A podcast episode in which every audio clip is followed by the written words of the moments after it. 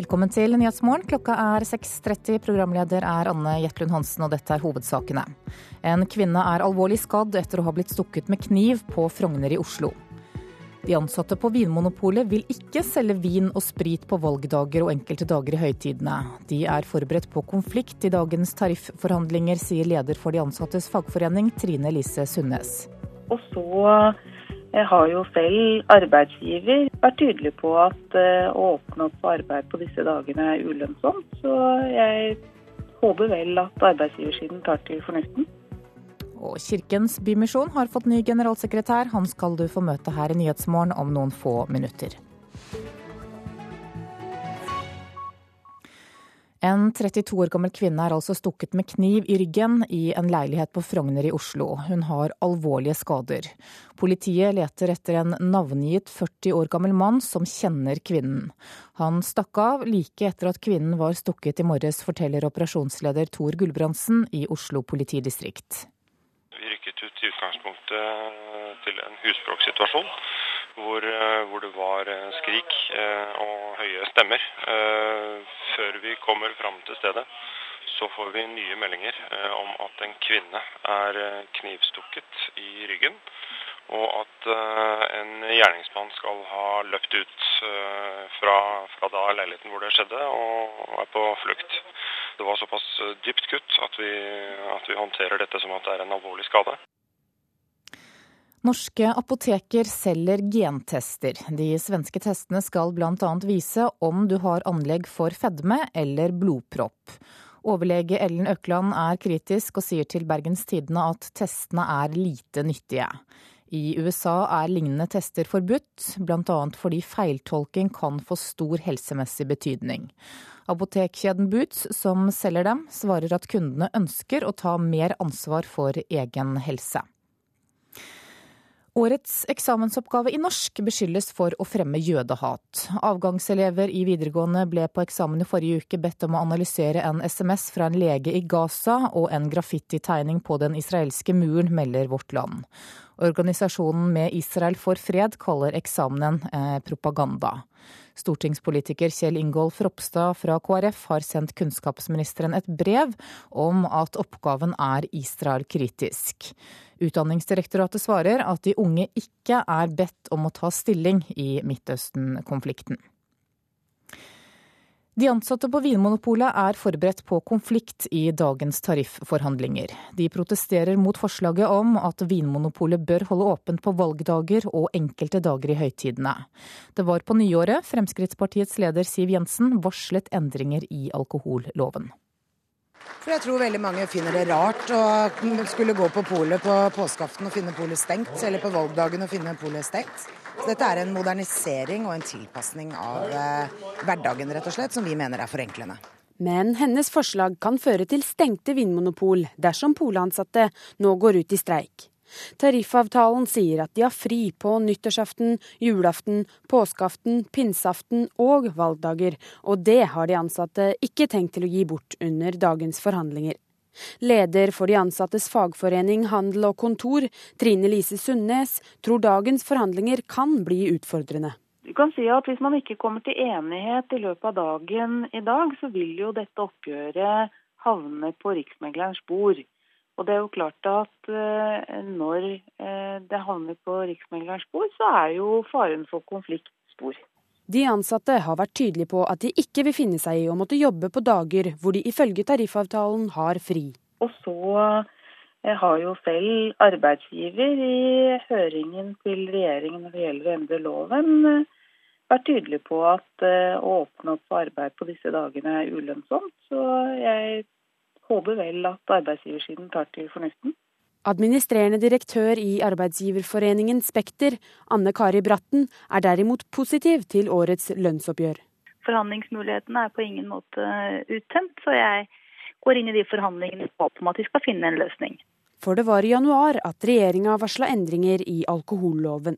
Saken er ute på høring, og det er flertall i Stortinget for at polet skal holde åpent på de fire aftenene og valgdagene. Sundnes i Handel og Kontor mener det er underlig at forslaget kommer med i lønnsforhandlingene før det er vedtatt på Stortinget.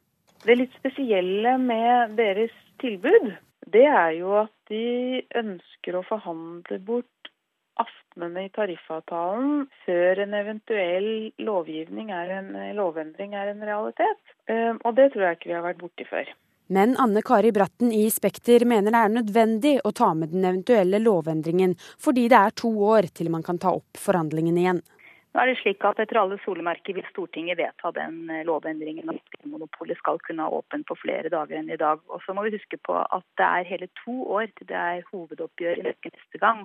Og da er det hele to år formelt sett før vi kan eh, ta opp de forhandlingene igjen. Så som ansvarlige parter så må vi diskutere de utfordringene som, kommer, eh, som ligger foran oss og som vi vet om. Reporter var Marie Roksund. I dag starter en rettssak om menneskehandel i Bergen tingrett. En mann og en kvinne er tiltalt for å ha hentet en kvinne fra Nigeria til Bergen og utnyttet henne til prostitusjon.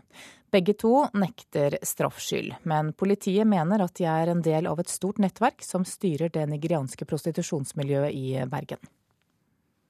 Påtalemyndigheten mener det at vi kan bevise at de to personene som er tiltalt i saken, har bistått Eh, organisert kriminelt eh, nettverk. I rettssaka som starta i dag, mener aktor Rudolf Christoffersen og politiet at de kan bevise og skildre hvordan de to tiltalte har utnytta ei kvinne til prostitusjon i Bergen. Hvordan de samarbeider med folk som voldtok kvinna og truga familien hennes dersom hun ikke gjorde som de sa. Mellom annet skal mor hennes i Nigeria ha blitt kidnappa og holdt fanga helt til kvinna i Bergen gikk med på å prostituere seg og å betale 65 000 euro. De to tiltalte vil ikke erkjenne straffskyld i retten. Forsvareren til kvinna, Robert Vollhuset, sier klienten hans sjøl er et offer. Nei, altså Hun er et offer for menneskehandel selv. Eh, jeg syns det er svært underlig at man eh, straffeforfølger eh, min klient, som, som har akkurat samme historie som fornærmede. Ei kvinne politiet mener er hovedpersonen, er fremdeles ikke pågripen og etterlyst internasjonalt. Hun skal ha vært sentral i organiseringa av det nigerianske prostitusjonsmiljøet i Bergen i flere år. Politiet mener de allerede har svekka det kriminelle nettverket betydelig. De tilbakemeldingene som politiet også har fått bl.a. fra eh, utekontakten og andre som jobber ute eh, i Bergen opp mot det nigerianske prostitusjonsmarkedet, er av den oppfatning at man gjennom denne saken her har, har i fall gjort et alvorlig tilslag mot den organiserte prostitusjonen i Bergen. Og det er satt av åtte dager til saken i tingretten. Reporter her var Siri Kleiven Strøm. Kommuner som slår seg sammen vil ikke automatisk få prioritet i neste Nasjonal transportplan. Det sier statssekretær Jardar Jensen i Kommunaldepartementet, som styrer regjeringens arbeid for å få færre og større kommuner. Mange kommuner ser på kommunereformen som en brekkstang for å få tunnelen eller broen de har kjempet for i årevis, men slik er det ikke, sier Jensen.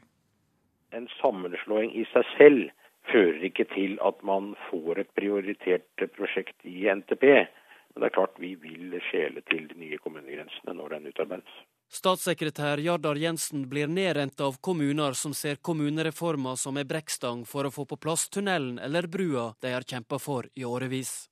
I Sogn står til dømes det værutsette Vikafjellet i veien for at Vik skal kunne slå seg sammen med nabokommunene i sør noe ordfører i Vik Marta Finden Halseth lufta på et møte i mars i år.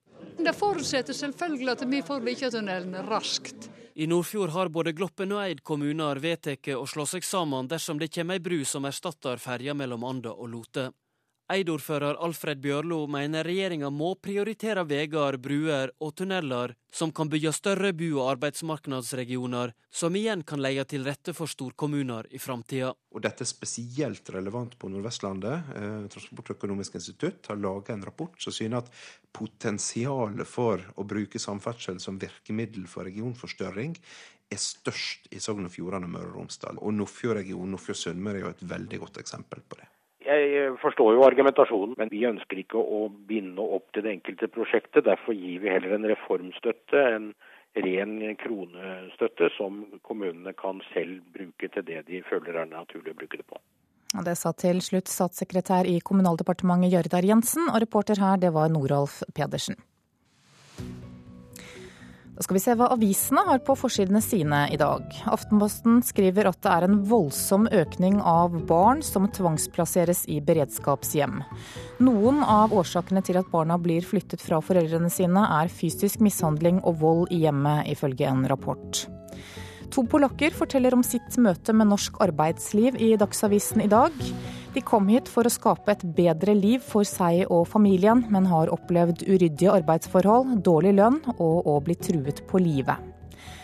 Vårt Land skriver at regnskogen i nasjonalparken Yasuni i Ecuador kan bli rasert pga. oljeboring. Det skal bores etter olje i områder som regnes for å inneholde verdens høyeste mangfold av plante- og dyrearter, og det skaper protester. Dagens Næringsliv forteller at Forbrukerrådet har funnet miljøgifter i barneklær. Rådet har funnet hormonforstyrrende kjemikalier i tøy fra Hennes og Maurits, Kubus og Kappal.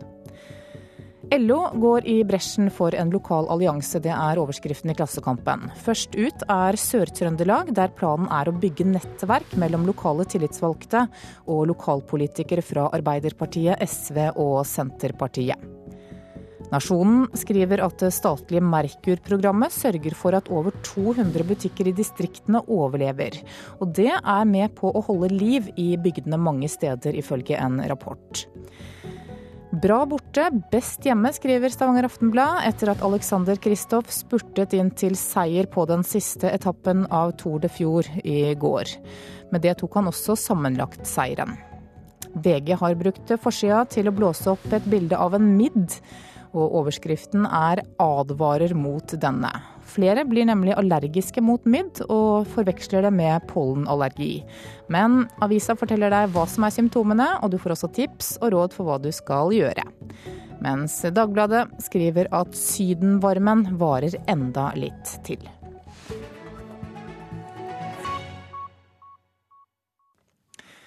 Lars Erik Flatø er ny generalsekretær i Kirkens Bymisjon. Han overtar etter Sturla Stålseth, som ga seg ved nyttår. Og Flatø, god morgen. God dag, ja. Det er altså første dag på jobb i dag, på ny jobb i dag. Hvordan er magefølelsen din?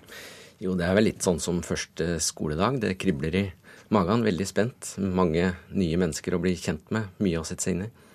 Du har altså bakgrunn som bl.a. stabssjef ved statsministerens kontor, statssekretær i Sosial- og helsedepartementet og nå administrerende direktør ved Lovisenberg diakonale sykehus.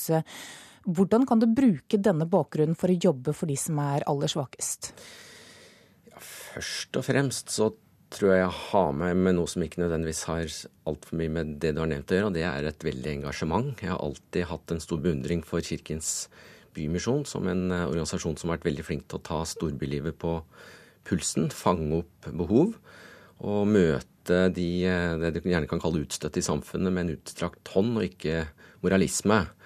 Men så er det klart at eh, det å ha vært sykehussjef, det gjør jo både at jeg jo kjenner til problemstillingene knytta til gruppene vi skal jobbe med i Bymisjonen også, veldig mye av det samme. Eh, og min politiske bakgrunn er også tror jeg, god å ha i en organisasjon som også har ambisjon om å påvirke forholdene for de som sliter i samfunnet. Hva er det viktigste Kirkens Bymisjon driver med i dag? Ja, Det er en veldig brei organisasjon, mye breiere enn de fleste tenker over, tror jeg. Det er jo alt fra eldreomsorg til barnevern eh, til gatenære tjenester for rusmisbrukere, prostituerte. Jeg tror kanskje at det aller viktigste for Bymisjonen, det er å være der ingen andre er. Så jeg kommer i hvert fall til å leite etter uløste oppgaver, og det jeg vil kalle høl i kan du si, det eh, finmaska nettet som kalles velferdsstaten. Altså nye områder hvor, eh, hvor eh, de som er svake, utsatte, ikke får et tilbud som de bør. Der skal Bymisjonen være. Ja, hva da? Hvor da, f.eks.? Det er klart at det er, det er, jo nærliggende å tenke på uh, unge rusmisbrukere, f.eks. Altså, jeg er fortsatt ikke veldig ekspert på tall knytta til dette, men, men, eh, jeg har ikke så mye behov for tall annet enn å gå rundt i Oslos gater. Og se hvor mange som er havna på skråplanet i hovedstaden i et av verdens rikeste land. Så det er jo helt åpenbart at det er veldig mye ugjort for de som sliter aller mest. Ja, hvordan syns du vi som samfunn tar vare på fattige og andre svake grupper? Altså, Norge er jo en god velferdsstat. Jeg syns ikke vi skal eh, underslå det. Ofte er det også veldig krevende å hjelpe de som såkalt har falt eh, utenfor. Og Det er jo her en organisasjon som Bymisjon, som både er profesjonelle, men også har en veldig evne til å mobilisere frivillighet, kan komme inn og, og på en måte fylle et vakuum. Lars Erik Flate, takk for at du kom til Nyhetsmorgen, og lykke til med ny jobb. Takk for det. Du hører altså på Nyhetsmorgen. Klokka er 6.45. Dette er hovedsakene våre. En kvinne er alvorlig skadd etter å ha blitt stukket med kniv på Frogner i Oslo. En mann og en kvinne er tiltalt for å ha hentet en kvinne fra Nigeria til Bergen og utnyttet henne til prostitusjon. I dag starter rettssaken. Og ansatte på Vinmonopolet vil ikke holde åpent på valgdager og enkelte dager i høytidene. De er forberedt på konflikt i dagens tarifforhandlinger. Skal vi ha sport, og det skal handle om ishockey. For i natt så ble det klart at Los Angeles Kings møter Mats Zuccarello Aasens New York Rangers til Stanley Cup-finaler fra onsdag denne uken. Og vil du se nordmannen i en av Rangers hjemmekamper, så må du trolig ut med langt over 10 000 kroner. For nå tar billettprisene av i hockeygale New York. The Rangers are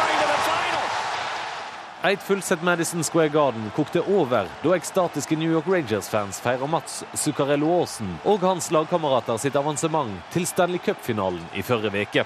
Hockeyfeberen i byen med over åtte millioner mennesker har ikke vært større på 20 år. Og nå er svartebørssalg av billetter til fans blitt stor butikk. Nå er jo Rangers hetest her, og hele staden vil være med om det her. Sier Per Bjurman, som har fulgt Rangers tett for svenske Ekspressen de siste ni åra.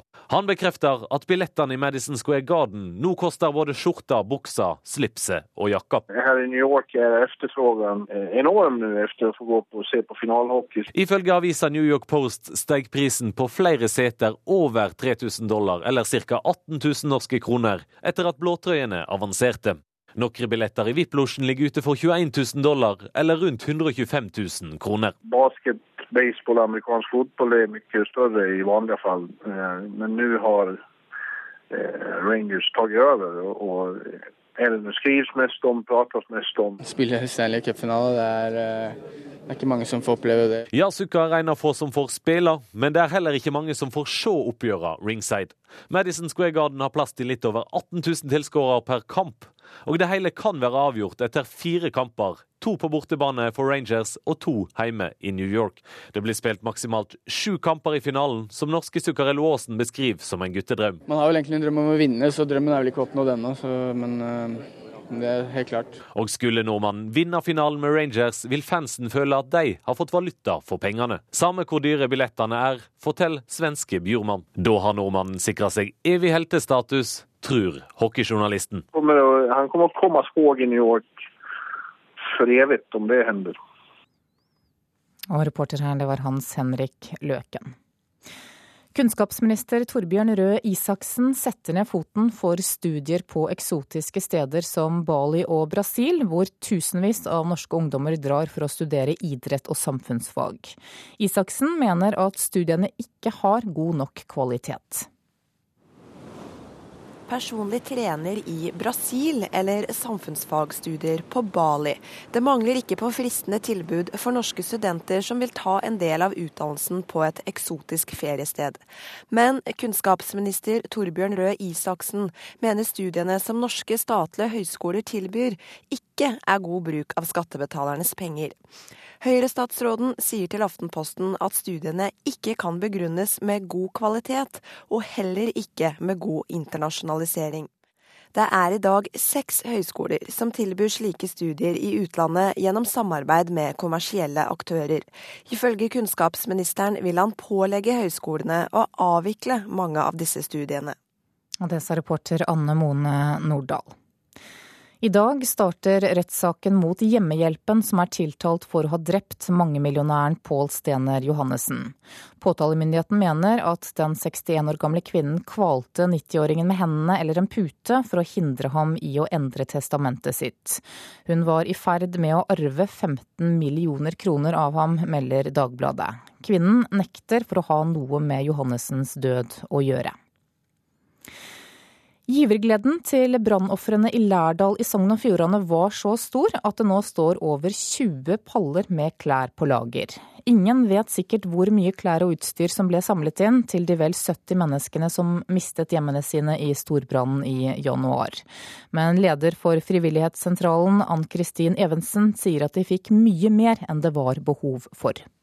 Her er vareden, eller det som vi kom, fikk inn som vi ikke har benytta oss av så langt. Så her er det mange, mange fine ting. Vi kan kikke opp den til deg.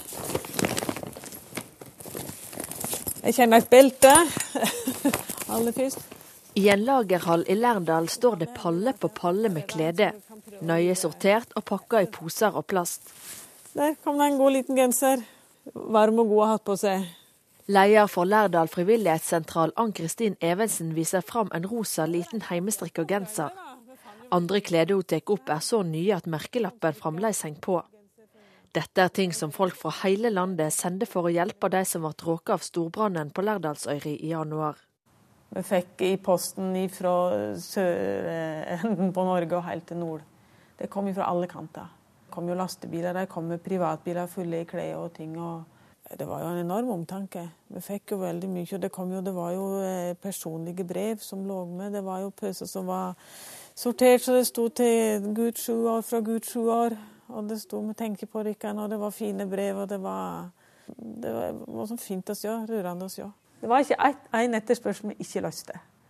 19.1 mista over 70 mennesker alt de eide da et eldhav gjorde 40 bygninger om til oskehauger på Lærdalsøyri. Bildet av de nådeløse flammene vekte ei enorm gjeverglede. Klede, sko, kjøkkenutstyr og leker strømde inn til frivillighetssentralen i så store mengder at ingen veit hvor mye det er snakk om. Vi fikk for mye, det gjorde vi. Men eh, bedre med for mye enn for lite. Marianne Åretun Rode og familien mista alt de eide. For dem var det avgjørende at andre var villige til å dele av sitt. Det, veldig, det hadde og har veldig stor betydning at folk ville hjelpe oss. og de, de viste omsorg og hjertevarme for oss. Det, det varmer langt inn i sjela. Nå i ettertid, hva tenker du som gjør at, at det ble en sånn voldsom flom av gaver? Nei, jeg tenker bare at det er jo et resultat av at vi antageligvis var i hjertet av utrolig mange folk. Men det kom inn langt mer utstyr enn det det var behov for.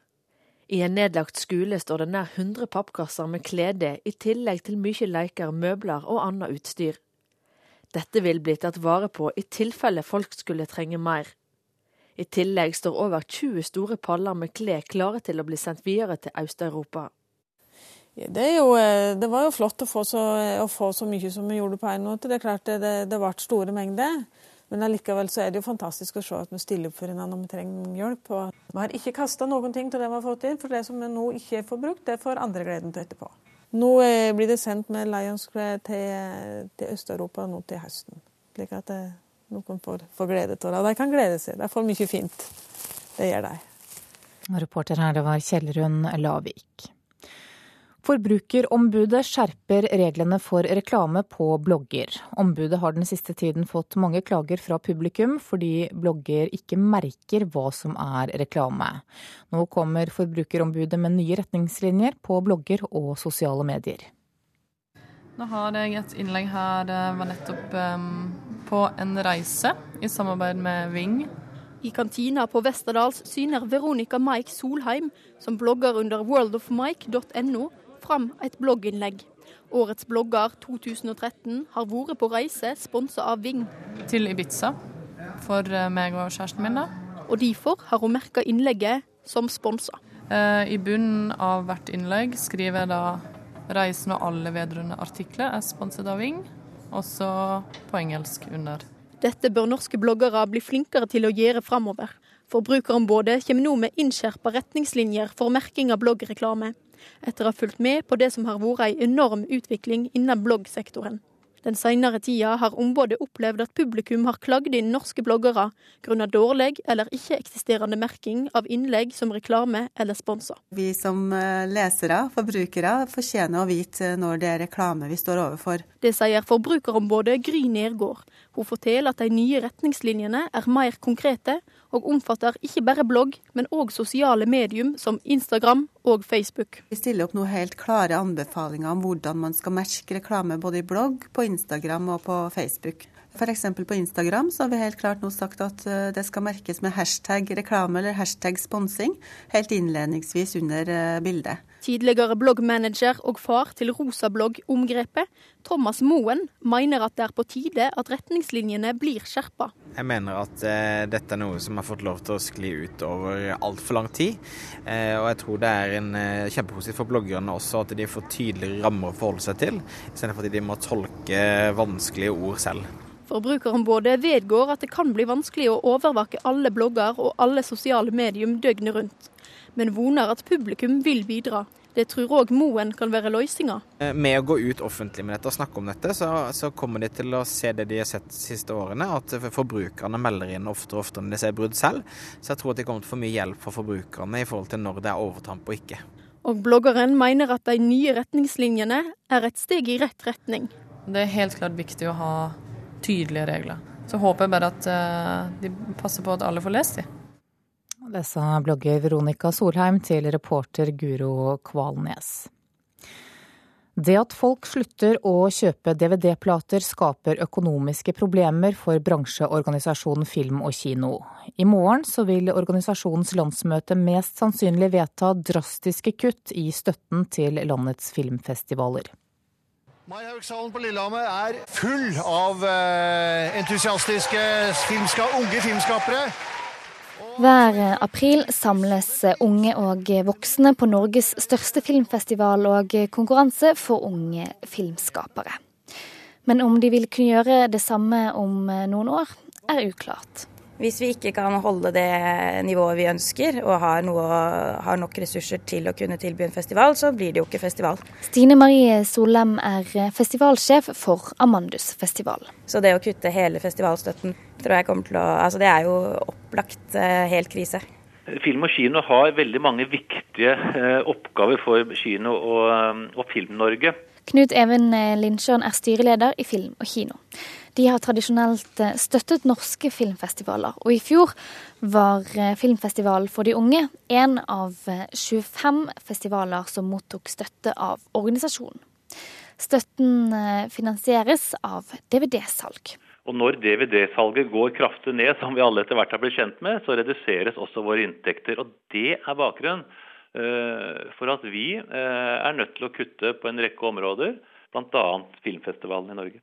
Styret har derfor eh, foreslått eh, at organisasjonen halverer bidragene til filmfestivalene i 2015, og at de innen 2016 skal nulle det helt ut. Innen en eh, annen finansieringsordning kommer på plass, så kan ikke film og kino ta ansvar for denne delen av kulturlivet.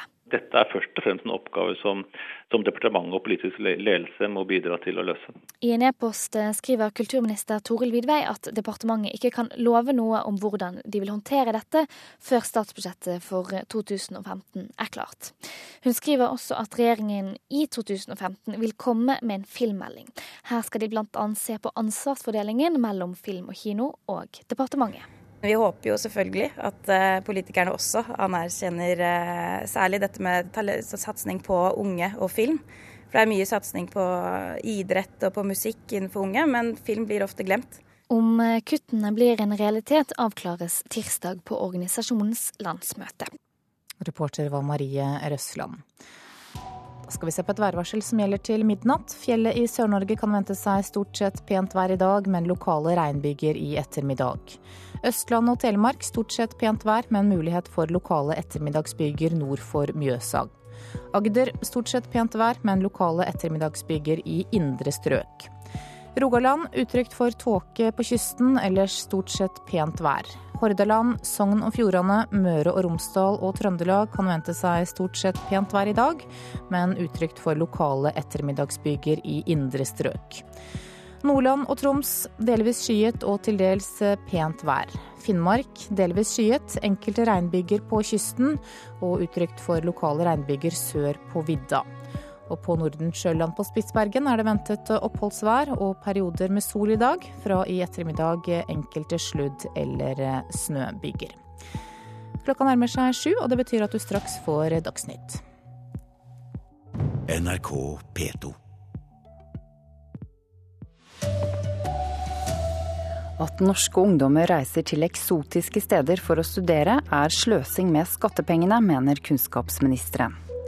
Uenighet om Vinmonopolets åpningstider på høytidsdager kan føre til polstreik. Her er NRK Dagsnytt klokken sju. Kunnskapsminister Torbjørn Røe Isaksen setter foten ned for det han kaller badestudier. Studier på eksotiske steder som Bali og Brasil, dit tusenvis av norske ungdommer drar for å studere bl.a. idrett og samfunnsfag. Statsråden mener studiene ikke har god nok kvalitet personlig trener i Brasil eller samfunnsfagstudier på Bali. Det mangler ikke på fristende tilbud for norske studenter som vil ta en del av utdannelsen på et eksotisk feriested. Men kunnskapsminister Torbjørn Røe Isaksen mener studiene som norske statlige høyskoler tilbyr, ikke er god bruk av skattebetalernes penger. Høyre-statsråden sier til Aftenposten at studiene ikke kan begrunnes med god kvalitet, og heller ikke med god internasjonalisering. Det er i dag seks høyskoler som tilbyr slike studier i utlandet gjennom samarbeid med kommersielle aktører. Ifølge kunnskapsministeren vil han pålegge høyskolene å avvikle mange av disse studiene. Det sa reporter Anne Mone Nordahl. Uenighet eh, om Vinmonopolets åpningstider på høytidsdager kan føre til polstreik. De ansatte på Vinmonopolet reagerer sterkt på at regjeringen foreslår at Vinmonopolet skal holde åpent på valgdager og enkelte dager i høytider, og er forberedt på konflikt i dagens tarifforhandlinger. Dette kan bli vanskelig, sier leder for de ansattes fagforening Handel og Kontor, Trine Lise Sundnes. Du kan si at Hvis man ikke kommer til enighet i løpet av dagen i dag, så vil jo dette oppgjøret havner på Riksmeglerens bord. Og det er jo klart at eh, når eh, det havner på Riksmeglerens bord, så er jo faren for konflikt stor. Så jeg håper vel at arbeidsgiversiden tar til fornuften.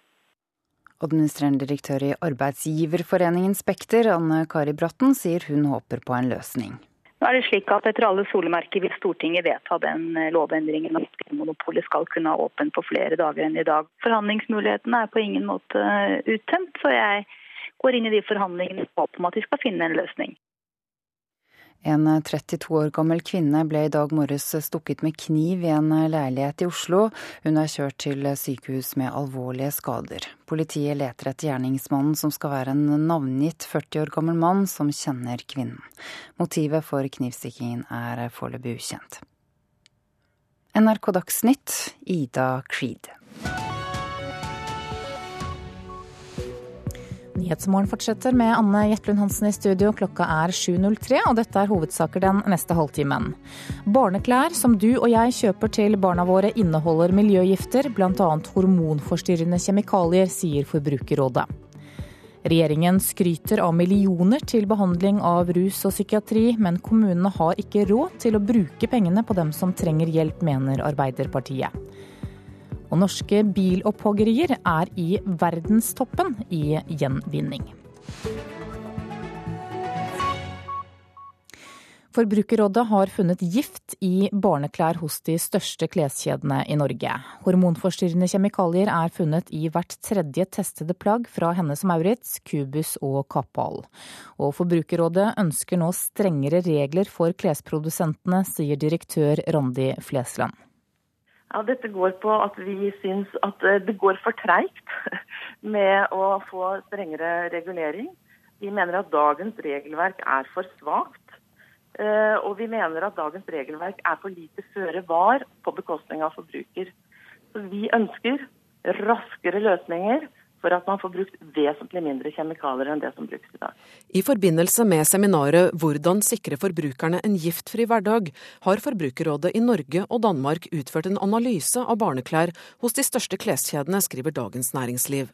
Resultatet viser funn av hormonforstyrrende stoffer i hvert tredje plagg.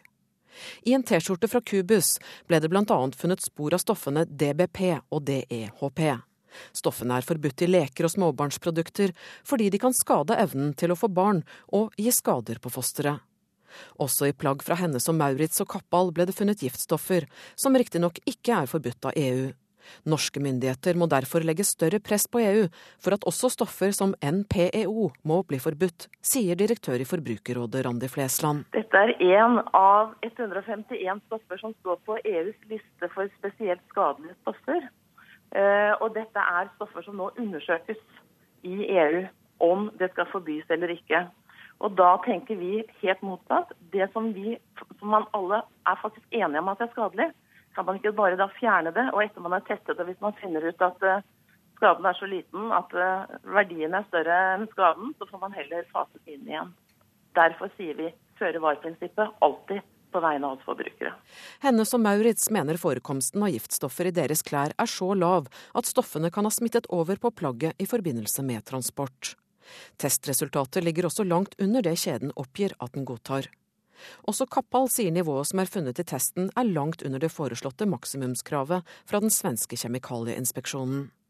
Kubus i selskapet følger strenge kjemikaliekrav, men at de vil gå igjennom testresultatet. Reporter her, det var Kristine Næss Larsen. Regjeringen skryter av millioner til behandling av rus og psykiatri, men kommunene har ikke råd til å bruke pengene på dem som trenger hjelp. Det mener Arbeiderpartiets helsepolitiske talsmann Torgeir Micaelsen. Han tror at pengene kan havne i det store sluket. Fordi det samla kommuneopplegget er altfor dårlig, og det skal dekke en rekke regninger før man eventuelt kan ha penger til rus og psykiatri.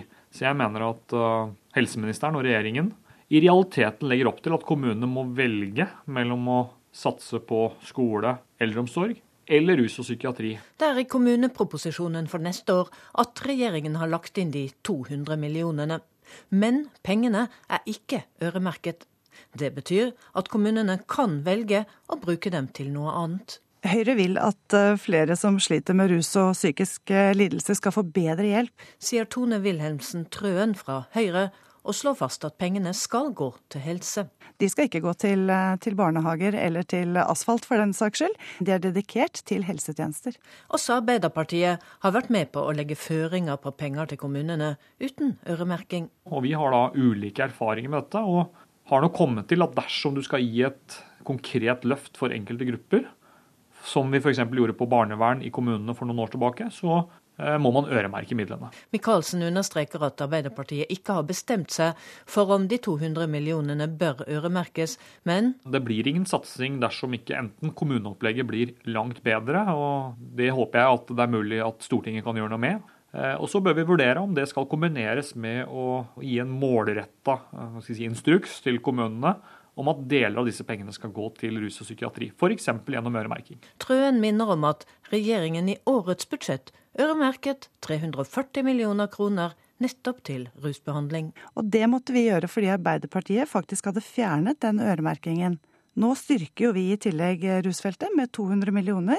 Så, så jeg tenker hvis Michaelsens utfordring betyr at Arbeiderpartiet har skiftet mening eh, om behovet for å satse på rus og psykiatri, så skal de selvfølgelig ha all honnør for det. Når det gjelder neste år, holder hun fast ved at de 200 millioner kronene skal brukes til helse. Men så er eh, vi også opptatt av at vi har tillit til at eh, ordførere og lokale folkevalgte bruker disse midlene innenfor helsetjenestene, slik de ser at de best har behov for det, og hvor det kommer brukerne best til nytte.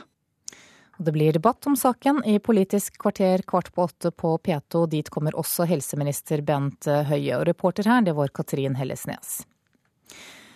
Norske bilopphoggerier er blant de beste i verden til å ta vare på materialene i gamle biler som blir vraket. I fjor klarte returbransjen å gjenvinne over 96% av hver bil, og det er mye mer enn EU-reglene krever. Men å komme til hoggeriet med en bil du er glad i, kan være tungt. Skjalg Årnes har kjørt den rustrøde Pontiac stasjonsvogna si til Stokstads bilopphøggeri i Oslo. Bilen er fra 1978, men nå er det altså slutt. Han er så dårlig, han er så rusten, han har gjort sitt. Batteriet blir plukka ut før trucken løfter den svære amerikaneren opp på et stativ. To karer borer seg inn i tankene og tapper bilen for alt som har fått den til å snurre og gå i nesten 40 år.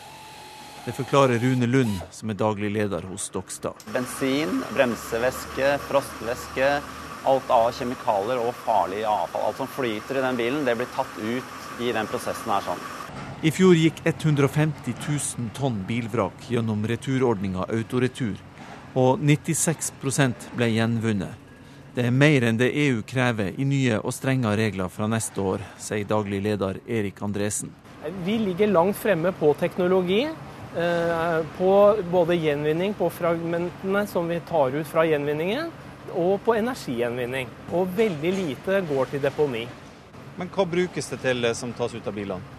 Eh, alt som omgir oss i samfunnet. Altså portstolper, gjerder, binderser, lamper.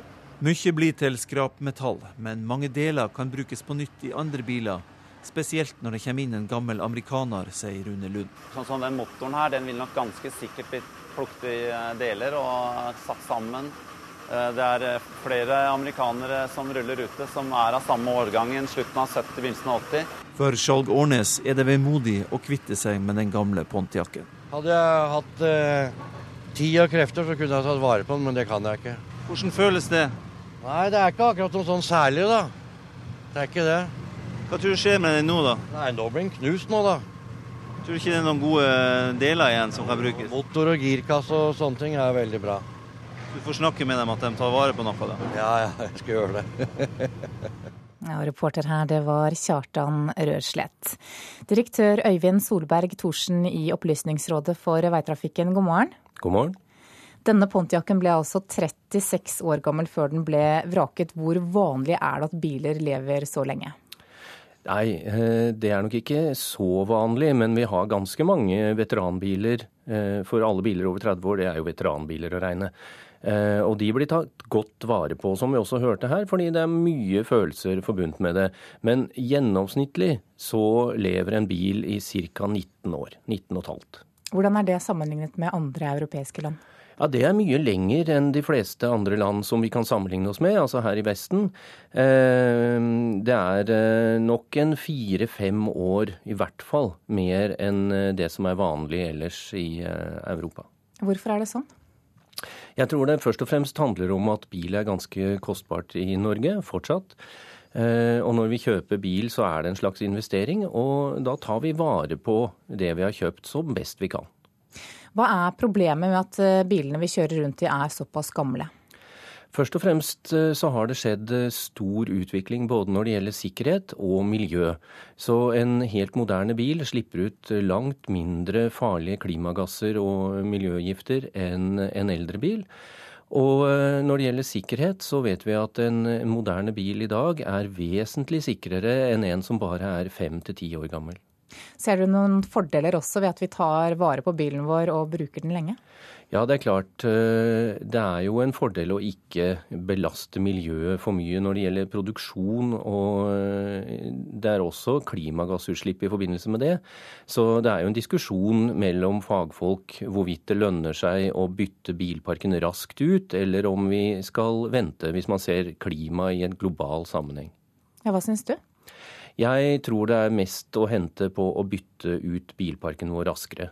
Rett og slett fordi at vi vet at veldig mange kan bli reddet eh, av de som omkommer i trafikken, hvis vi hadde hatt en nyere og sikrere bilpark.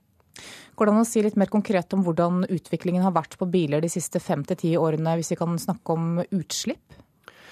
Ja, eh, gjennomsnittsutslippet i Norge i 2005, bare for å ta, gå tilbake til, til, det tidspunktet, det var eh, på en 185-190 gram. Eh, og i dag så ligger vi jo nede på rundt 120. Eh, så der har det vært eh, en veldig stor eh, utvikling i riktig retning når det gjelder CO2-utslipp. Nå diskuterer fagfolk hvorvidt det er en reell utslippsnedgang, men, men det er nok det. Altså, sånn som målemetodene våre er. I tillegg så har vi jo nå fått stadig strengere krav til utslipp av partikler og NOx, altså nitrogendioksider. Så bilene blir stadig mer, bedre for miljøet. Direktør Øyvind Solberg Thorsen i Opplysningsrådet for veitrafikken, takk for at du kom til Nyhetsmorgen.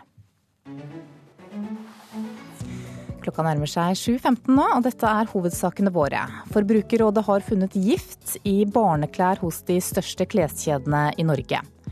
En 31 år gammel kvinne er stukket med kniv i ryggen i en leilighet på Frogner i Oslo. Hun er alvorlig skadd.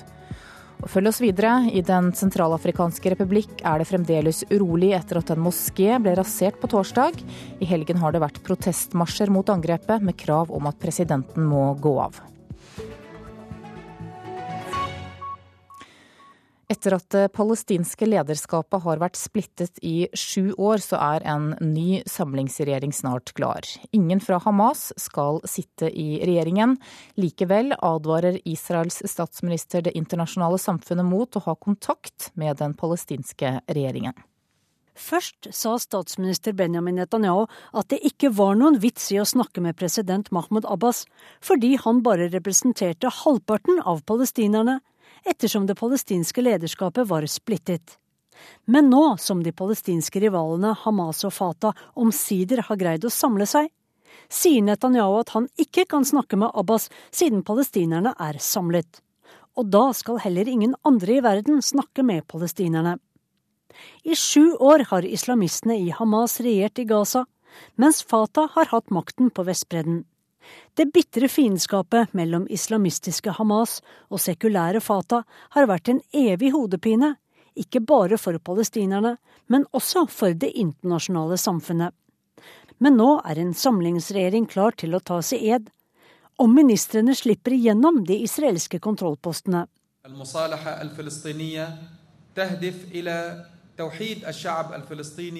Gjenforeningen skal samle palestinerne, sier Ismail Haniyeh fra Hamas.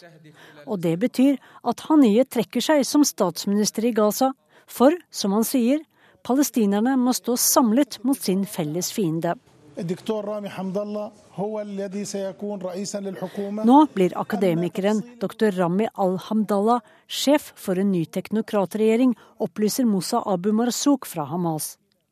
Poenget med denne regjeringen er at den skal bestå av teknokrater, altså fagfolk og eksperter. Hamas-medlemmer skal ikke sitte i denne regjeringen, siden Hamas står på EU og USAs terrorlister.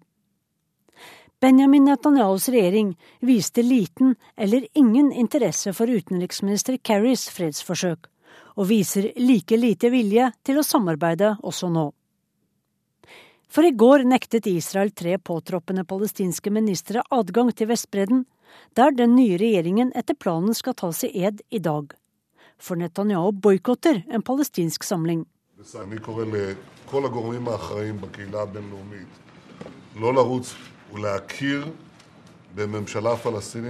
Jeg henvender meg til alle ansvarlige i det internasjonale samfunnet og ber dem om å ikke anerkjenne den palestinske samlingsregjeringen. Den inneholder elementer fra Hamas, som er en terrororganisasjon. Denne regjeringen vil bare styrke terror, ikke fred, sier statsminister Netanyahu, som selv ikke har overbevist noen, heller ikke USA, om at han er interessert i å jobbe for en fredsløsning, eller interessert i å avslutte okkupasjonen. Reporter her, det var Sissel Wold. I Den sentralafrikanske republikk er det fremdeles urolig etter at en moské ble rasert på torsdag. 17 mennesker ble drept og 27 andre ble tatt til fange. Dette var hevn for et angrep på en kirke. I helgen har kristne marsjert i protest mot angrepet på moskeen, og de krever at presidenten går av. Politiet skyter mot demonstrantene, men til ingen nytte. Folkemengden er i harnisk etter at ei kirke ble angrepet av muslimer. Og de krever at de farlige muslimene blir kasta ut av et nabolag i hovedstaden. Den sentralafrikanske republikk er mest kjent for diktatoren Jean Bedel Bokassa, som sterkt inspirert av Napoleon lot seg krune til keiser i en seremoni som var så dyr at landet i praksis gikk konkurs på 70-tallet. Også seinere regimer har vært prega av vanstyre. Et brutalt muslimsk opprørsregime ble styrta i fjor, og kristne militsgrupper begynte hemne seg ved å angripe muslimske nabolag. Den muslimske befolkninga begynner å forlate hovedstaden Bangi i hopetall. Mange har søkt til flyplassen, der de håper FN-styrken kan beskytte dem. Andre har rømt til nabolanda. Hele nabolaget i Bangui skal nå være tomme for muslimer. Det samme gjelder mange landsbyer og byer andre steder i landet. FN og EU har en fredsbevarende styrke i landet, men den er ikke stor nok til å kvele urolighetene. Og det sa reporter Roger Severin Bruland. Linde Surum, nødhjelpkoordinator for Leger uten grenser i Den sentralafrikanske republikk, velkommen. Takk. Du har også vært i landet flere ganger og kom tilbake til Norge i forrige uke. Hva er det som har gjort størst inntrykk på deg disse siste ukene? Det som alltid gjør størst inntrykk, er hvordan sivilbefolkningen, altså barn, eh, fedre, mødre, lider eh, når eh, det er en så stor konflikt som det er der nede nå. Og det er noe jeg og mine kollegaer har litt vanskelig å finne ord for det vi har opplevd de siste månedene. Omfanget er veldig stort. Det er ikke bare en enorm vold og hat og hevn som vi ser hver eneste dag, men det i kombinasjon med mangelen på beskyttelse og mangelen på nok hjelp eh, gjør at det er en svært alvorlig og helt uakseptabel situasjon fortsatt eh, i dag. Hvordan arter dette hatet seg? Det er veldig forstemmende å se hvordan også helt nå i dag vanlige mennesker altså når jeg kom dit i desember, så var det veldig fronter mellom militia. I dag uh, opplever vi veldig at det er vanlige folk også som, uh, som har begynt å, å kjenne på et sterkt hat. Eh, som jeg tror kommer eh, lett når du har eh, mista nære og kjente, og du har løpt for livet, og du bor på en flyplass på bakken, og det regner, og du har egentlig ingenting. Da er kanskje det eneste du har igjen, er hat. Og det er, det er veldig skremmende å se, og det er derfor på tide. Det har vært på tide lenge, men nå må de rett og slett få hjelp og beskyttelse, før dette hatet setter seg helt fast i denne befolkningen. Hva er det de trenger aller først nå? Eh, de trenger beskyttelse. Eh, bare i eh, april så har vi på ett av våre sykehus, vi har 15 i landet i dag, fått over 150 svært alvorlig skadde inn i Bangui. Det går litt i bølger, men det er fortsatt svært farlig å være et vanlig menneske i Sentralafrikansk republikk i dag. I tillegg trenger de tilgang på det aller mest nødvendige, altså mat, rent vann, skydd. Det er blitt regntid. Vi er bekymra for kolera. Eh, og vi i Leger uten grenser gjør vårt for at de skal få tilgang på lege. Det er lett å glemme at det er ikke bare skudd- og macheteskader det her handler om. Kvinner fortsetter å føde. Malaria er fortsatt det som tar livet av flest i det landet. Eh, så de har stort sett behov for det meste, rett og slett. Ja, For nå er malariasesongen på vei. Hvordan forbereder dere i Leger uten grenser dere på det?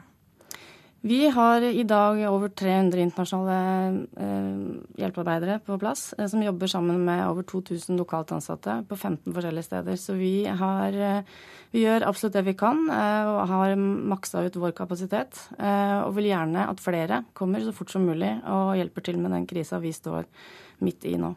Og så er det sånn at Den nye fredsbevarende styrken ikke er ventet å tre i kraft før i september. Kan folket der greie seg så lenge uten hjelp fra dem?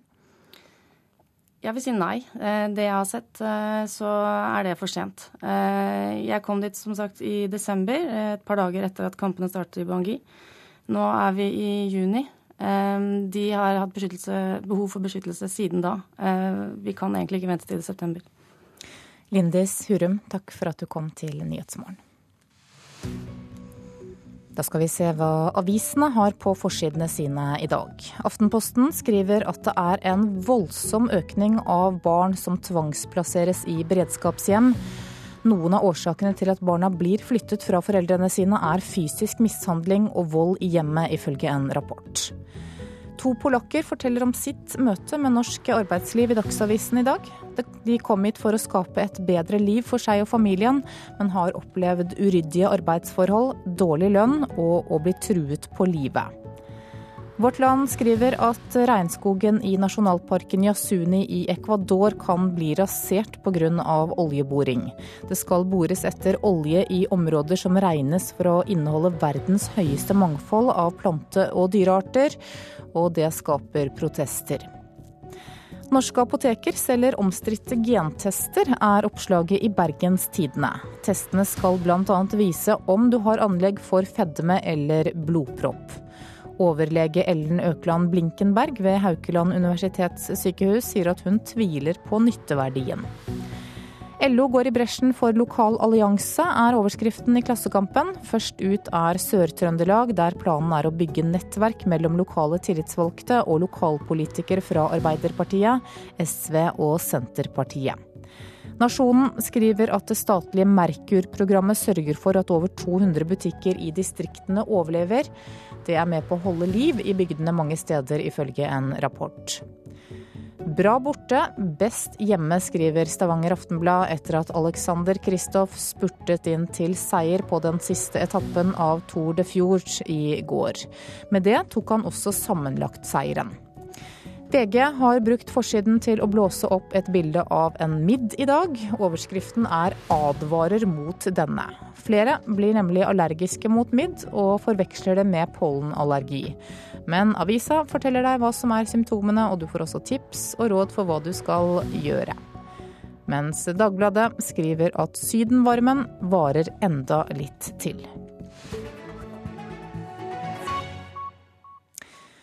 Det er etter hvert stadig flere grå hoder som møtes grytidlig og morgenen den store etterlengtede dagen om høsten når elgjakta starter. Rundt bålet fordeles gjerne postene blant gamle jaktkompiser i laget før alle forsvinner inn i skogen. Men er denne jaktformen på vei ut sammen med den eldre garden?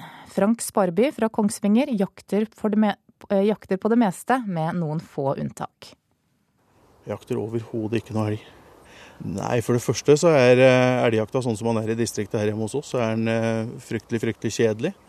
Det er eh, veldig, veldig lite slipphundjakt. Det er lite action. Jeg vil ha ting til å skje rundt meg hele tida. Jeg har med meg både ei rafle som er til Rifla og hagla til Frank Sparby er flittig i bruk både på bane og i terrenget. Ofte jakter han utenlands, selv om han bor i et eldorado for storevilt og småvilt. Hedmark har flest elgjegere i landet, viser tall fra Statistisk sentralbyrå. Antall elgjegere holder seg konstant, men gjennomsnittsalderen øker sakte, men sikkert. I Kongsvinger var over halvparten, 54% av de som betalte jegeravgift for å jakte elg siste sesong, over 50 år. Det er en økning på 6% på få år. Fylkessekretæren i Hedmark Jeger og Fisk, Ole Mattis Lien, mener det er flere årsaker til forgubbinga blant landets elgjegere. Den eh, direkte som linken som var far-sønn, eh, den har blitt litt mer borte. Kanskje pga. både litt urbanisering og Vi har òg fått mange konkurrerende tilbud og aktiviteter. Jeg tror mange går på jakt fortsatt, men det er eh, mer småviltjakt. Og terskelen for å komme meg på storviltjakt, den, eh, den har økt. Flere småviltjegere NRK har prata med, mener at elgjakt er kjedelig, tidkrevende og binder opp ferie og helger. Istedenfor å sitte på en stubbe, så vil de ha en fleksibel og aktiv jakt. Det kan være vanskelig å komme med på et elglag, og det koster mye. Pris er nok òg en årsak. Det er eh, forholdsvis kostbart å, å, å komme seg på, på storviltjakt. Både når det gjelder, eh, gjelder, utstyr, og ikke minst så er det prisen på jakta er, eh, er mange steder ganske høy. Det blir en ganske bra kilospris på elgkjøttet hvis en skal være med rundt her. Det er jo ikke unormalt å betale 10 000 kroner uten egentlig å få med seg noe kjøtt hjem igjen. Det er det i hvert fall ikke verdt for meg. For gubbinga blant elgjegerne kan få konsekvenser, mener fylkessekretær Ole Mattis Lien. Nei, altså Med en høy elgstamme som vi har, så er det klart at, uh, at uh, vi trenger treng rekruttering hele tida for å klare å ta ut den, uh, den elgstamma. Det ble skutt inn over 7000 elger i, Hedmark i fjor. og Det er klart det skal mange jegere til for å, å klare å ta ut den elgstamma. Norges jeger- og fiskeforbund har satt inn flere tiltak for å gjøre elgjakta mer attraktiv for yngre jegere. Vi har et samarbeid med Statskog der vi, der vi har opplæringsjakt på, på to terrenger eh, i Hedmark. Ett for, eh, for, for ungdom og nybegynnere og ett eh, for damer. Det sa til slutt jeger Frank Sparby fra Kongsvinger. Reporter her, det var Vera Wold. Klokka nærmer seg 7.30, og det blir straks eh, Dagsnytt. I reportasjen etter det så skal det handle om Den røde armés kvinner. Og I Politisk kvarter så er helseminister Bent Høie på plass. Han møter Arbeiderpartiets Torgeir Micaelsen til debatt om rus og psykiatri. Dersom du har tips eller kommentarer, så send oss gjerne en e-post. Adressen er nyhetsmorgen krøllalfa nrk.no. Produsent for, Produsent for Nyhetsmorgen i dag det er Ingvild Ryssdal, og her i studio Anne Jetlund Hansen.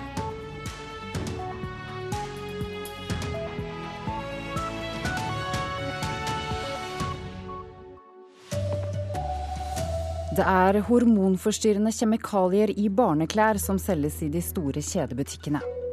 En kvinne er alvorlig skadet etter knivstikking på Frogner i Oslo.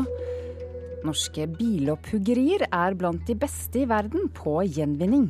Vi ligger langt fremme på teknologi, og veldig lite går til deponi. Her er NRK Dagsnytt klokken 7.30. Forbrukerrådet har funnet gift i barneklær hos de store kleskjedene i Norge. Hormonforstyrrende kjemikalier er funnet i hvert tredje testede plagg fra Hennes og Maurits, Cubus og Kapal. Forbrukerrådet ønsker nå strengere regler for klesprodusentene. I forbindelse med seminaret 'Hvordan sikre forbrukerne en giftfri hverdag', har Forbrukerrådet i Norge og Danmark utført en analyse av barneklær hos de største kleskjedene, skriver Dagens Næringsliv. Resultatet viser funn av hormonforstyrrende stoffer i hvert tredje plagg. I en T-skjorte fra Cubus ble det bl.a. funnet spor av stoffene DBP og DEHP. Stoffene er forbudt i leker og småbarnsprodukter fordi de kan skade evnen til å få barn og gi skader på fosteret.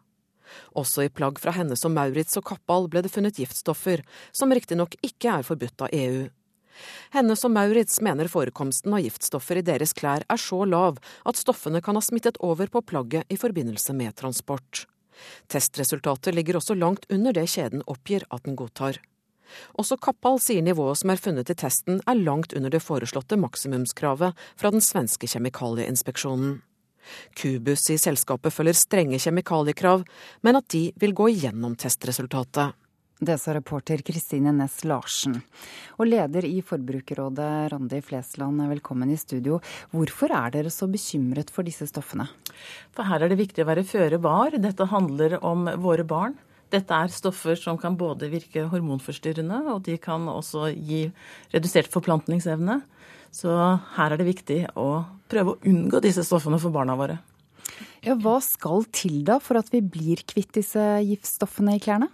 Det er klart at Produsentene selv har et ansvar, men også myndighetene må være strengere på kravene. Eh, disse stoffene vi snakker om her, står på en liste i EU hvor man undersøker om de skal fases ut. Men det går for streikt. Klesprodusentene sier de følger dagens krav om eh, hvor mye kjemikalier eh, det kan være i klær. Ja, men det gjør de nok. Men det er klart at et barn som sitter på gulvet, får i seg mye støv med kjemikalier, putter leker i munnen, i det hele tatt har små kropper som får på seg klær og sko som har disse, får en cocktaileffekt som vi ikke vet konsekvensen av, og som kan slå ut vesentlig senere i, i livet. Så det er klart, særlig de små må vi passe på. Så hva konkret gjør dere i Forbrukerrådet med dette nå? Nei, Vi jobber for å få norske myndigheter til å regulere dette strengere. Og bl.a. har vi da et seminar i morgen som går på det. Så her må det gå raskere. Det må brukes mer penger på tilsyn, slik at vi faktisk unngår mest mulig av disse stoffene. Takk til deg, leder i Forbrukerrådet, Randi Flesland. Norske apoteker har nå begynt å selge gentester. De svenske testene skal bl.a. vise om du har anlegg for fedme eller blodpropp. Overlege Ellen Økland er kritisk og sier til Bergens Tidende at testene er lite nyttige. Boots, som selger dem, svarer at kundene ønsker å ta mer ansvar for egen helse, og etterspør slike tester.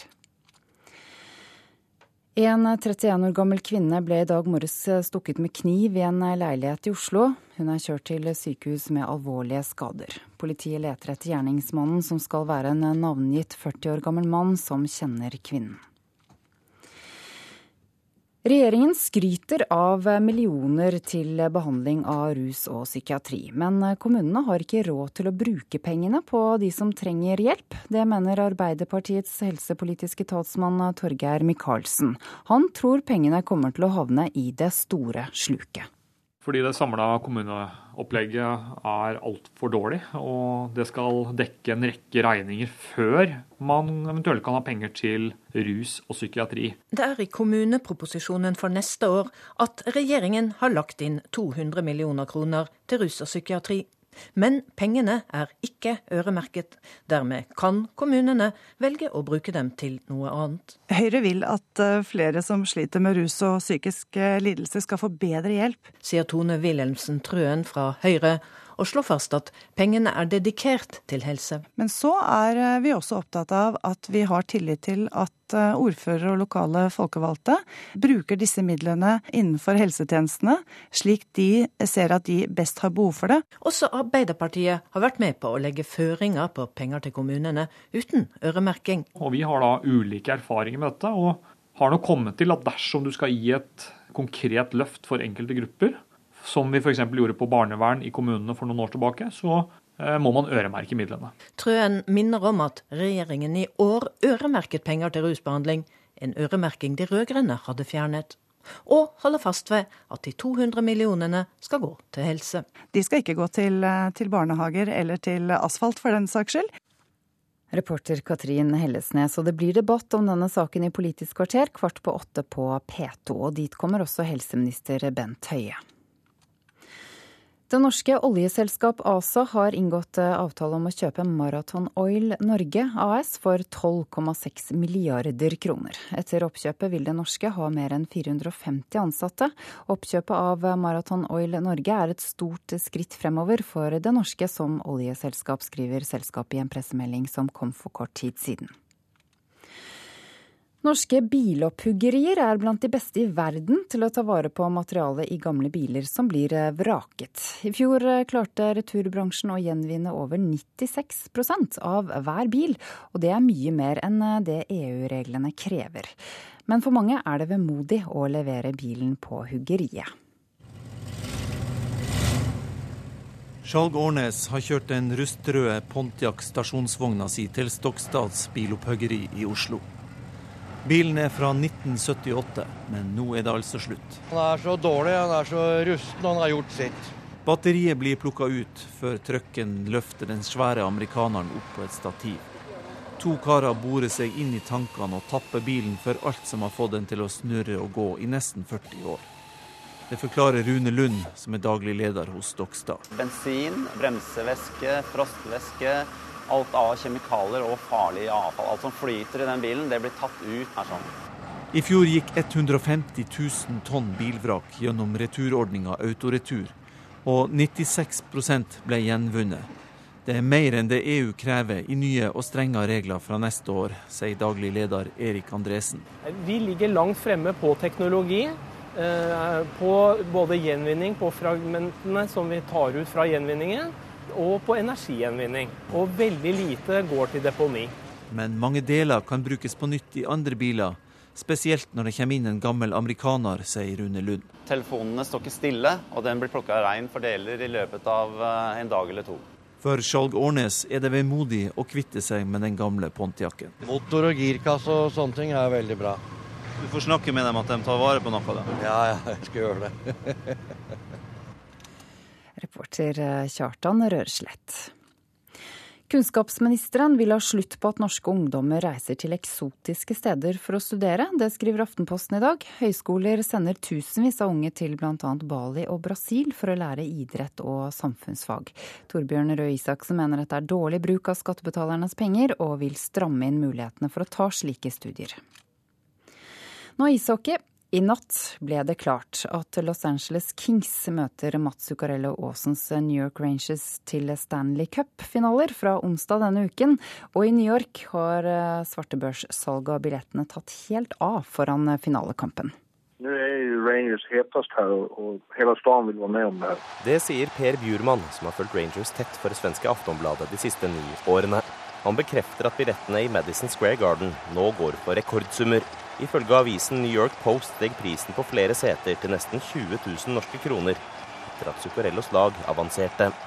Enkelte billetter i VIP-losjen går nå for nærmere 130 000 kroner. Her i New York er etterspørselen eh, enorm nå etter å få gå på og se på finalehockey. Basket, baseball amerikansk fotball er mye større i vanlige fall. Eh, men nå har Rangers tagit over. Mats Zuccarello Aasen drømmer om å hente hjem trofeet. Det er bare noe man har drømt om før, og nå skjer det, så det er, det er stort. Men ifølge Bjurman kan det bli med nettopp drømmen, etter at det i natt ble klart at Los Angeles Kings blir motstander i finalekampene. Som det ser ut nå, så er Kings eh, bedre. Større, sterkere, veldig vanskeligere å spille mot. Reporter eh, Mats Håby. Ansvarlig for eh, Dagsnytt-sendingene denne morgenen er Bjørn Christian Jacobsen. Teknisk ansvarlig det er Hanne Lunås. Jeg heter Ida Creed.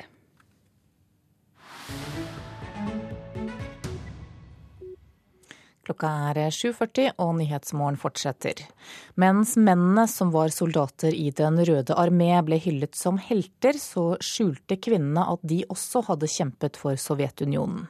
Reporter Guri Nordstrøm har mer, men først får du høre Den røde armés mannskor.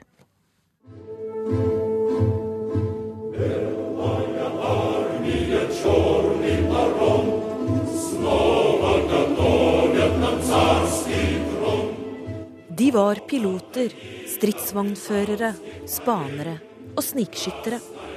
Kvinnene i Den røde armé kjempet side om side med mennene for Sovjetunionen under den andre verdenskrig. Men til forskjell fra mennene ble ikke kvinnene sett på som helter. De ble derimot møtt med mistenksomhet og forakt etter krigen. То есть женщины эти, которые пошли на войну, они оказались принесли такую жертву, Kvinnene som hadde vært i krigen, ble ikke godtatt av det mannsdominerte samfunnet, forteller den hviterussiske forfatteren Svetlana Aleksejevitsj.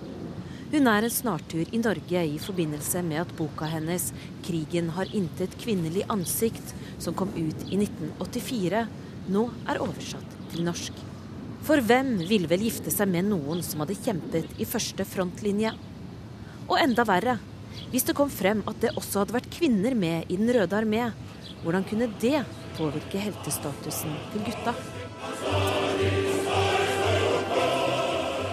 Aleksejevitsj ville bryte gjennom lydmuren av de mannlige heltehistoriene. Hun oppsøkte flere hundre kvinner 40 år etter andre verdenskrig og skrev ned deres historie. А- а- Они рассказывали совсем другую войну. Совсем. De fortalte om en helt annen krig. Dette var ikke mennenes krig, fordi mennene rettferdiggjorde krigen. Mens for kvinnene var krigen mord. De hadde tid så lenge fordi det var ingen som lyttet til dem, forteller Aleksejevitsj. Hvorfor ingen hadde spurt kvinnene om krigen, mener hun har en enkel forklaring. Det var et totalitært samfunn, og i slike samfunn er mannen alltid viktigst. Og målet Uavhengig av hvilken pris man må betale. Fortsatt vet vi ikke hvor mange som måtte bøte med livet under krigen. Det er utrolig, sier Aleksejevitsj. Selv har hun også valgt å bo i et totalitært samfunn. Hjemlandet Hviterussland kalles ofte Europas siste diktatur. Selv om hun som forfatter daglig utsettes for sensur og trakassering, nekter hun å flytte. Те книги, которые я пишу, нельзя сделать, живя где-нибудь, как я жила там в Швеции или Париже. De bøkene jeg skriver, kunne jeg ikke ha skrevet hvis jeg hadde bodd andre steder, som i Sverige, Paris eller Venezia. Disse bøkene kan jeg kun skrive hjemme, forteller hun. Надо сделать только дома. Og for forfatterskapet sitt nevnes hun nå som en av favorittene til å vinne Nobels litteraturpris. I så fall vil det bli historisk om en dokumentarist og ikke en skjønnlitterær forfatter vinner, forteller NRKs litteraturkritiker Knut Hoe. Det å skildre krigens redsler og lidelser og hvilke konsekvenser det fikk for enkeltmennesket, så mener jeg at Aleksejevitsj er helt på høyde med de russiske mesterne som Dostojevskij eller Tolstoy. Men så spørs det jo da om eh, Nobelkomiteen er moden for en forfatterinne som ikke dikter, men som lar de enkelte kvinnene fra Sovjet fortelle historien selv. Men selv vil ikke Aleksejevitsj kommentere disse ryktene.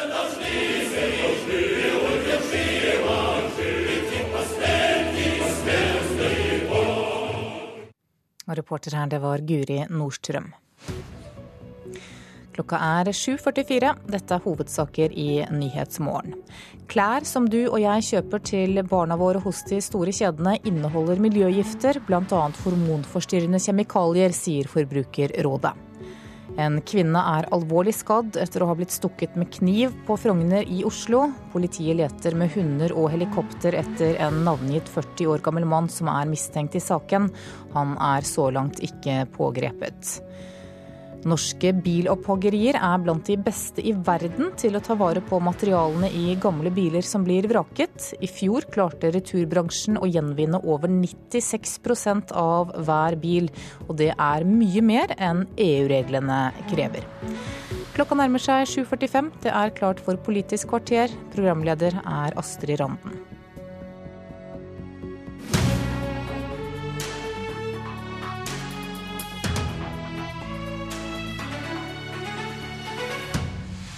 Regjeringa skryter av storsatsing på rus og psykiatri, men kan de garantere at pengene kommer fram til de som trenger det? Og helseministeren blir skylda for å sette tobakksindustrien sine interesser foran ungdom si helse. God morgen, dette er Politisk kvarter i studio Astrid Randen. Torgeir Micaelsen, helsepolitisk talsperson i Arbeiderpartiet. Regjeringa har altså lova 200 millioner kroner ekstra til rus og psykiatri. Hvorfor tror du ikke disse pengene vil komme fram til deg som trenger deg? Jeg er veldig enig i at det er veldig dumt hvis vi ikke kan få til det i fellesskap. Fordi ungdom eh, som tilbringer mye av skoletida si, eller dagen i løpet av, ja, på skolen, burde vi bruke bedre til å nå med helsetjenester. Og grunnen til at de ikke kan garantere eller få dette til, det er to grunner. Det ene er at de lager et uh, sånt kommuneopplegg, som vi kaller det. Altså den økonomiske ramma for kommunene som har ansvaret for dette for neste år, som er for svakt. Det er nesten en milliard kroner lavere enn det vi eh, la fram i fjor. Og samtidig skal de betale en rekke ubetalte regninger, f.eks. For, for folk som velger barnehageplass foran kontantstøtte. Der ligger det fort ja, 500, kanskje opp mot en milliard kroner om et år, som må dekkes først. Og så svikter skatteinntektene til kommunene. Og når du kombinerer dette med at de ikke øremerker pengene til de formålene de sier i pressemeldingen at pengene skal gå til, så har de ingen garanti for at pengene nå, går fram. For disse pengene blir altså fordelt gjennom norske kommuner, og du mener altså at de har for dårlig råd til å prioritere rus og psykiatri og helsesøstre som en ønska å gjøre? Ja, med det kommuneopplegget som vi kaller det, altså den samla økonomiske ja, opplegget som kommunen har å forholde seg til til neste år, så eh, er det ikke nok penger etter mitt syn. Jeg kan ikke forstå hvordan man da skal eh, finne rom til dette etter at de ubetalte regningene som regjeringen etterlater seg på barnehage. Eh, og for første gang så svikter altså skatteinntektene på ti år. Og da blir det mindre penger til disse tingene. Og da kan du ikke som Bent Høie gjør, sende ut pressemelding og si at så og så mye av de frie inntektene som kommunene gjør akkurat hva de vil med, eh, skal gå til spesielle formål. Det har han ingen garanti for. Eh, og jeg tror at han foregner seg her. Helseminister Bent Høie, har du noen garanti for at disse 200 millionene vil komme fram? For det første så fordeler vi ikke disse pengene bare til alle kommunene på vanlig måte. Vi bruker, fordeler de ut ifra de pengene som går til skolehelsetjenesten. Det er ikke snakk om 200 millioner kroner, i realiteten er det snakk om 400 millioner kroner. Vi bruker 200, 200 til 200, rus og psykiatri, og så 200 ekstra til helse, til helsestasjonene og skolehelsetjenesten. For det handler om å starte tidlig innsats. og Det betyr at vi fordeler til sammen 400 millioner kroner. Og de fordeler vi ikke i det ordinære inntektssystemet, de fordeler vi ut ifra f.eks. hvor mange eh, ungdommer det er i en kommune, hvor mange er i en kommune som har helseutfordringer. sånn at disse pengene målrettes mot de kommunene som har de største eh, utfordringene. Og Dette er den vanlige måten eh, å gjøre det på. Samtidig så sier vi at, eh, til kommunene når de får disse pengene, disse pengene forventer vi brukes til den satsingen. Og så er det jo sånn at Jeg tror jo at vettet er likt fordelt i landet, og at kommunepolitikere er like opptatt av å gjøre en innsats innenfor skolehelse, rus og psykisk helse som vi som er på Stortinget eller i, i regjering. Sånn at når vi gir rom for denne satsingen, så forventer vi at òg lokalpolitikerne følger, følger, det opp. Og så er det ikke riktig, som Torgeir Micaelsen sier, at dette er et opplegg som er dårligere enn det kommuneopplegget som de sjøl la fram for et år siden. Tvert imot. Dette er innenfor et opplegg som òg gir kommunene større handlingsrom. For det Torgeir Micaelsen ikke tar inn i sitt regnestykke, er jo utgiftssiden. Eh, både befolkningsutvikling og pensjonsutgiftene gjør at, eh, at utgiftssiden er lavere i 2015 enn det var i 2014. Så dette er innenfor et mer robust opplegg enn det som eh, den forrige regjeringen eh, la fram. Ok, Så dere er heller ikke enige om opplegget til kommunene er bedre eller Nei, fordi dårligere enn tidligere? Han ser bare på den ene siden av regnestykket og ikke på den andre siden. og Da kommer han selvfølgelig ut sånn som han gjør, men du må se på den samla opplegget for, for, kommunene. og Da er dette en satsing innenfor et mer robust kommuneopplegg enn det som forrige regjering la fram. Og Dette er måten som vi fordeler disse 400 millionene på. Fordelte den forrige helseministeren for Arbeiderpartiet 180 millioner kroner på. Da kalte han det for et flaggskip i folkehelsesatsingen. Nå fordeler jeg over dobbelt så mye innenfor et mer robust kommuneopplegg. Da syns de det er veldig rart at Torgeir Micaelsen kommer og beskylder meg for ikke å kunne sende ut en pressemelding, når hans egen eh, statsråd på dette området reiste og strand rundt og skrøt av dette i fjor. Altså dobbelt så mye innenfor et mer robust opplegg. Dette kommer de i en satsing, både når det gjelder antall helsesøstre i skolen, flere jordmødre på helsestasjonene. Det kommer til å bety bedre tilbud for de menneskene som har rusproblemer og psykiske helseutfordringer i kommunene. Men jeg har ennå egentlig ikke fått svar på mitt første spørsmål. Kan du garantere at disse pengene kommer fram til deg som trenger det, eller kan de bli brukt til et nytt kommunehus eller ny asfalt? Jeg kan garantere at de pengene kommer fram til de kommunene som har de største behovene. Og så regner jeg med at eh, lokalpolitikerne har den samme interessen for å prioritere dette viktige området som det vi har. Og så skal vi selvfølgelig følge med på hvordan pengene blir brukt. Når det gjelder de pengene, 180 millionene som ble bevilget fra 2014, så får vi fasiten på det 15.6.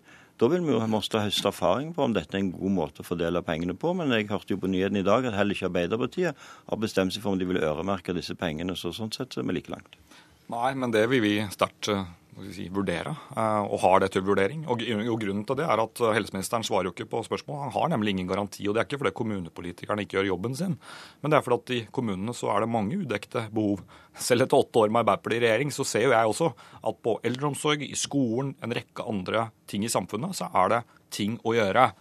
Eh, men poenget er at jeg mener fortsatt at kommuneopplegget for i fjor var bedre. Men la nå den diskusjonen ligge. Høie kommer ikke unna at regjeringen har etterlatt seg en ubetalt ja, kanskje opp mot en milliard kroner i barnehager som kommunene må dekke, og skatteinntektene svikter. Og Jeg sier ikke at Høie er ansvarlig for at skolehelsetjenesten og helsesøstrene er for dårlig. Det har skjedd på min vakt også. Men jeg tror kanskje at vi burde bli enige om at dersom vi fra Stortinget skal si at noe er viktigere enn andre ting på, ja, fra et år til et annet, så bør vi vurdere å, eh, å øremerke. Og Da syns jeg at Høie istedenfor å ja, hovere over hva som har skjedd, bør se framover og se om vi kunne blitt enige i Stortinget om noe bør løftes fram, f.eks. skolehelsetjenesten. Men var det ikke slik at det også i den rød-grønne regjeringa gjaldt de øremerka midlene, når det ikke har kommet store satsinger? Vi har forsøkt begge deler, og jeg legger ikke skjul på at det er fordeler og ulemper med å gjøre det på forskjellige måter. Vi forsøkte f.eks. For å gjøre det på den måten Bent Høie antyder når det gjaldt kommunalt barnevern for noen år siden. Det ga ikke veldig mange nye stillinger i barnevernet. Så valgte vi å øremerke. Da ble penga brukt til det vi hadde sagt hva skal si, det skulle gå til. Eh, og Når det gjelder de 180 millionene som Høie peker på, som skulle gå til bedre helsestasjoner eller skolehelsetjeneste, det var altså bare det, det var ikke alt det andre i tillegg, så valgte vi å gjøre det på den måten Høie gjorde. Det tror jeg at når vi får fasiten, ikke vil gi de resultatene. Så Det viser ja, det, vel kompleksiteten i saken, men jeg mener i hvert fall at du kan ikke på den ene siden si at du på løpet av noen uker i fjor høst Bent Høie, så var du med som nestleder og skaffet 7000 millioner kroner i skattekutt. Da er dette småpenger til å legge på toppen av en eventuell satsing. Eh, hvis vi hadde blitt enige om det i Stortinget. Høie, hva gjør du hvis det viser seg at de pengene som en løyver til skolehelsetjenester, ikke blir brukt til det de skal gjøre? Ja, Da må vi selvfølgelig vurdere øremerking. Jeg har ingen prinsipielle motforestillinger om å bruke øremerker i en periode. Derfor var det jo Vil jeg, du da de, øremerke en, disse pengene? En av de første tingene jeg gjorde som helseminister, var jo nettopp å gjeninnføre øremerking av over 340 millioner kroner til rusarbeid i kommunene i årets eh, budsjett. Og Det blir selvfølgelig òg eh, lagt opp til at det videreføres. Men da var det jo det stor motstand fra Torgeir Micaelsen, som mente at dette var en sterk inngripen i det lokale selvstyret. Så jeg syns kanskje at Arbeiderpartiet snart må bestemme seg eh, på dette området. fordi at Vi så jo at på rusområdet var det et poeng å øremerke en del penger nettopp for å eh, motvirke den situasjonen vi er i. grunn Pga. Samhandlingsreformen så er det sterke økonomiske virkemidler når det gjelder de andre pasientene. så Derfor ligger det i bånn. Men så, på satsingen på toppen av det, så eh, var det etter min oppfatning riktig nå å fordele disse pengene ut ifra hva som er behovet i kommunene. For det som du fort kan oppleve hvis du blir for streng i øremerking, f.eks. at dette bare skal gå til helsesøsterstillinger, så vil, så vil det være kommuner som har vært flinke og satsa på helsesøstre, som kanskje heller hadde behov for en jordmorstilling, en fysioterapeut eller videre, som da hadde blitt straffa i det opplegget som Torgeir Micaelsen tar til orde for. Og Der eh, fikk du siste ord, eh, Bent Høie. For vi skal skifte tema her i Politisk kvarter, men let begge debattantene bli sittende akkurat der det er. For det, er, det to er ikke bare usamde om kommuneøkonomi og satsing på rus og psykiatri og helsetjenesten. I helga sa nemlig Torgeir Micaelsen at vi har en helseminister som setter tobakksindustrien over ungdoms helse, når han ikke innfører løyve for å selge røyk og snus. Torgeir Micaelsen, hvorfor er denne løyveordninga så viktig? I løpet av de siste 25 årene så har vi tatt eh, mange ganske dristige grep i kampen mot tobakk. Eh, og jeg kjenner igjen, i hvert fall i mine voksne leveår, at ved hver anledning har det vært mye motstand. F.eks. at det er for ytterliggående, det er for mye byråkrati, kundene vil rømme osv. Jeg husker f.eks. når Høybråten helt prisverdig innførte røykeloven på serveringsstedet for ti år siden, så trodde man at alt skulle gå nedenom og hjem. Det vi vet, er at vi har kommet langt, men at fortsatt for mange ungdommer under 18 år får tilgang på tobakk. Derfor foreslo vi, og Stortinget vedtok, at eh, butikker som bryter disse reglene, eh, bør straffes strengere. Og for å i verste fall miste muligheten til å selge tobakk. Mm, og, eh, og, det denne, og, det var denne, løyva, eller bevillingsordningen. Ja. En av de første tingene helseministeren gjorde etter regjeringsskiftet, var å stoppe dette. Fordi han mente det var citat, for byråkratisk og dyrt. Vet du hva, Jeg synes ikke at eh, byråkratiargumentet overfor tobakksindustrien og i dette samme sammenheng handelsnæringen er tungtveiende nok. Når seks av ti ungdommer under 18 år sier de får tak i tobakk før de fylte 18 år, så må vi gjøre noe med det. Og Derfor mener jeg at han er for passiv i denne kampen mot tobakk. Helseminister Bent Høie, hvorfor, eh, hvorfor, vil du ikke gi deg som, eller la deg som selger tobakk, eh, ha løyve til å gjøre det? jeg er helt enig med det som Torgeir Micaelsen sier når det gjelder betydningen av å hindre at uh, unge mennesker begynner med, uh, med tobakk. Uh, og at det er et problem i Norge i dag at for mange unge får tak i tobakk, spesielt snus, før de er 18, 18, år. Så vi har behov for å finne en måte å sanksjonere sterkere mot eh, de butikkene som eh, selger tobakk til mindreårige. Men den ordningen, nei, for den ordningen som den forrige regjeringen var i ferd med å innføre, den hadde kosta kommunene, som Torgeir Micaelsen nettopp var veldig opptatt av, og butikkene over 130 millioner kroner i året i økt byråkrati. Det mener vi det må finnes smartere og bedre måter å løse dette på men Hvilke løsninger ser du for deg? Det, har, det har vi nå til, til, til, utredning, og kommer til å få, finne en løsning på det. Som eh, på en måte gjør oss, som gir oss bedre i stand til både å kontrollere og sanksjonere mot de som selger tobakk til mindreårige. Vi har behov for en forsterket innsats eh, mot dette. Jeg eh, var selv saksordfører for røykeloven i Stortinget for ti år siden. Har et sterkt engasjement på dette området. Vi er nødt til å ikke minst forsterke innsatsen når det gjelder å hindre at unge mennesker begynner med tobakk, og spesielt snus. Snus er blitt en veien inn i tobakkavhengighet, mens det tidligere var vei ut av røykeavhengighet. Og så okay, må vi òg okay, ja, i større grad hjelpe de som røyker, til å slutte. Ja, poenget er jo at hvis du f.eks. slik det var i lovforslaget, og som Stortinget slutta seg til, at du skal ha tre skikkelig tilsyn med alle steder som selger tobakk hvert år, så koster det selvfølgelig penger. Og Jeg mener jo at det bør løftes over på industrien, på handelsnæringen og på kundene den regninga, ikke at nødvendigvis at kommunene skal sitte igjen med den. Men jeg kjenner igjen lusa på gangen. Hver gang det kommer opp ting som koster litt penger, er litt byråkratisk, men som vi vet si, funker i kampen for bedre folkehelse og for barn og ungdom sin, eh, sin helse, så kommer en del si, innvendinger opp i dagen. Og Jeg vet ikke hvem Bent Høie snakker med, men jeg snakker med Kreftforeningen, jeg snakker med ungdom eh, selv, som sier at de får tak i snus og tobakk. Og Da mener jeg at istedenfor å vente med å innføre noe, så burde man, hvis man ikke har bedre forslag allerede nå, innført en form for løyve eller bevilling. Og hvis Bent Høie har bedre forslag og billigere forslag og mindre byråkratiske forslag, så kom med dem når de er klare. Men i mellomtiden Men det lot jo dette gå i åtte år? Eh, vi gjorde mange endringer i tobakksskadeloven og, og, gjorde flere ting, men vi må passe oss at vi ikke går for langt. Men et av hovedproblemene er at uh, ungdom får tak i tobakk. Og Det vedtok vi altså på slutten av vår regjeringstid, etter forslag fra andre. Og det, det var jo ganske stort flertall i Stortinget òg, så jeg syns det er litt overraskende at Bent Høie ikke kan komme opp med en bedre idé, istedenfor bare å stoppe det som vi vedtok. Bent Høie, svært kort til slutt. Når vil deres Dikkas-ordning vært eh, på plass? Ja, vi holder jo på å jobbe med den nå. Jeg håper at uh, vi snart skal kunne ha den gode ideen, og at jeg håper da at Torgeir Micaelsen og Arbeiderpartiet vil støtte den. Og så må jeg si at Sist Høyre satt i regjering, gjorde vi det siste virkelig store skritt i, i tobakkbekjempelsen. Innføring av røykefrie utesteder. Der må jeg si takk for at det kom til Politisk kvarter. Helsepolitisk talsperson i Arbeiderpartiet, Torgeir Micaelsen, og helseminister Bent Høie. For eh, denne sendinga er slutt. I studio i dag var Astrid Randen. Hør flere podkaster på nrk.no podkast.